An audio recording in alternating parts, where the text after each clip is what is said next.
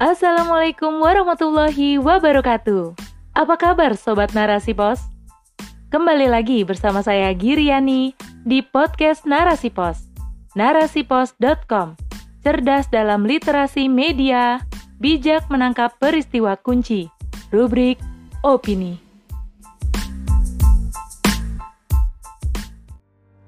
Saat teknologi biologi molekuler dalam genggaman sistem kapitalisme oleh Ayumela Yulianti SPT. Perkembangan teknologi dalam berbagai bidang kehidupan begitu pesat, mulai dari teknologi informasi dan telekomunikasi hingga teknologi di bidang biologi molekuler, hingga lahirlah apa yang disebut sebagai proses penyimpanan benih atau sel telur melalui teknik pendinginan yaitu freezing egg. Sel telur diambil dari indung telur setelah mengalami kematangan melalui sebuah teknik dan prosedur yang telah ditetapkan para ahli, yang kemudian disimpan dalam sebuah wadah atau tempat yang telah dikondisikan agar sel telur tidak rusak pada suhu di bawah 0 derajat Celcius. Teknik ini pun sama digunakan untuk prosedur pembekuan sel sperma atau sperm freezer dan embrio. Walaupun tingkat keberhasilannya 50-50, namun banyak yang antusias untuk menjadikan teknik freezing egg dan yang sejenisnya ini sebagai salah satu solusi atas permasalahan yang terjadi pada manusia. Salah satunya sebagai solusi atas keinginan untuk memiliki anak. Alhasil, banyak berdiri bank-bank sperma, bank telur, dan bank embrio sebagai salah satu solusi banyaknya peminat penggunaan teknologi tersebut dan diperjualbelikan dengan nilai yang fantastis hingga lahirlah istilah donor sel telur atau donor sperma atau donor embrio, bahkan istilah sewa rahim atau surrogate mother dan rahim sintetis. Inilah yang terjadi di dunia saat ini, manakala perkembangan teknologi ada dalam genggaman sistem hidup sekuler kapitalisme. Terjadi kesalahan dalam pemanfaatannya bagi manusia, sebab penggunaan teknologi hanya digunakan dengan hitungan untung rugi materi duniawi semata, kosong dari nilai-nilai ruhiah. Alhasil, dengan mudahnya manusia bisa memilih dan membeli sperma untuk membuahi sel telur miliknya dengan spesifikasi sesuai yang diinginkannya dari para donor.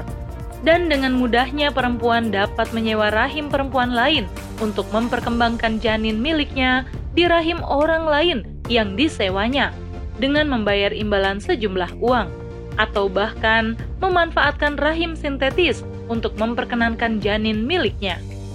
Individu manusia yang lahir pun hanya dilegalisasi dengan secari kertas yang disahkan oleh lembaga peradilan, juga dengan membayar sejumlah uang tanpa harus pusing menjelaskan asal-usul benihnya. Tidak perlu pusing memikirkan garis nasab dan segala konsekuensi yang lahir dari garis nasab berupa hak-hak yang wajib diperoleh anak juga kewajiban yang harus ditunaikannya. Sebab tidak ada pertimbangan lain selain gengsi dunia dan keuntungan jasa dia. Perkara akan selesai selama masih bisa dibayar tunai dengan uang. Demikianlah sistem hidup sekuler kapitalisme membentuk daur kehidupan manusia. Kering dari nilai ruhani dan jauh dari nalar dan hati nurani. Manusia disamakan dengan barang atau benda yang dapat diperlakukan sesuka hati, termasuk proses reproduksinya. Selama masih bisa dibeli dengan uang, kenapa tidak? Alhasil, kehidupan menjadi kacau.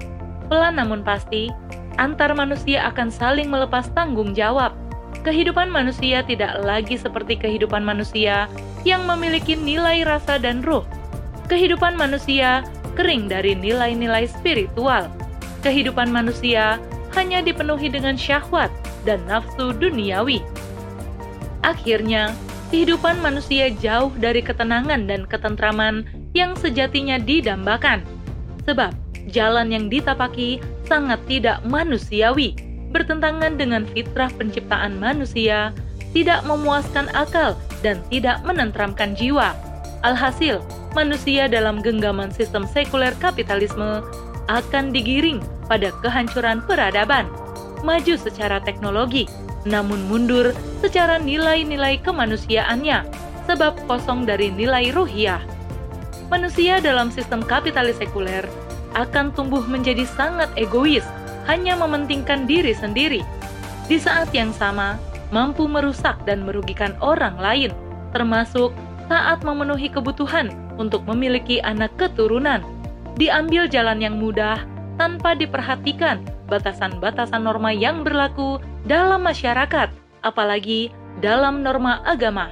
Kadang tidak diperhitungkan pula bahwa anak yang kelak lahir pun akan memiliki akal, hati, dan perasaan yang sama dengan orang tuanya, yang pasti akan menanyakan pula latar belakang kehidupannya, asal mula kehidupannya, dan segala yang terkait dengan kemaslahatan hidupnya.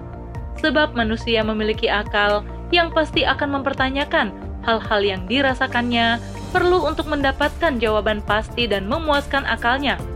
Berbeda dengan hewan, anak hewan tidak akan bertanya kepada ibunya siapa ibu dan ayahnya, sebab hewan tidak punya akal, jadi dia tidak akan bertanya tentang kemaslahatan hidupnya.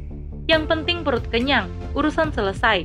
Memang seperti itulah kehidupan hewan, tidak perlu ijab kabul dan menggelar pesta pernikahan untuk sekedar sah menjadi pasangan suami istri, sebab hewan berbeda dengan manusia. Karena landasan yang digunakan hari ini adalah sistem sekuler kapitalisme, maka banyak manusia yang pada akhirnya terperosok jatuh dan tersesat di dalamnya, termasuk dalam menggunakan sarana teknologi yang sebenarnya diciptakan untuk mempermudah kehidupan manusia tanpa harus menodai fitrah penciptaannya. Karena manusia butuh rambu-rambu agama dalam norma kehidupan yang semestinya diterapkan guna menghindari kesalahan penggunaan kemajuan teknologi dalam segala bidang, yang sejatinya adalah untuk mencapai kemaslahatan hidup manusia, bukan untuk merusak kehidupan manusia.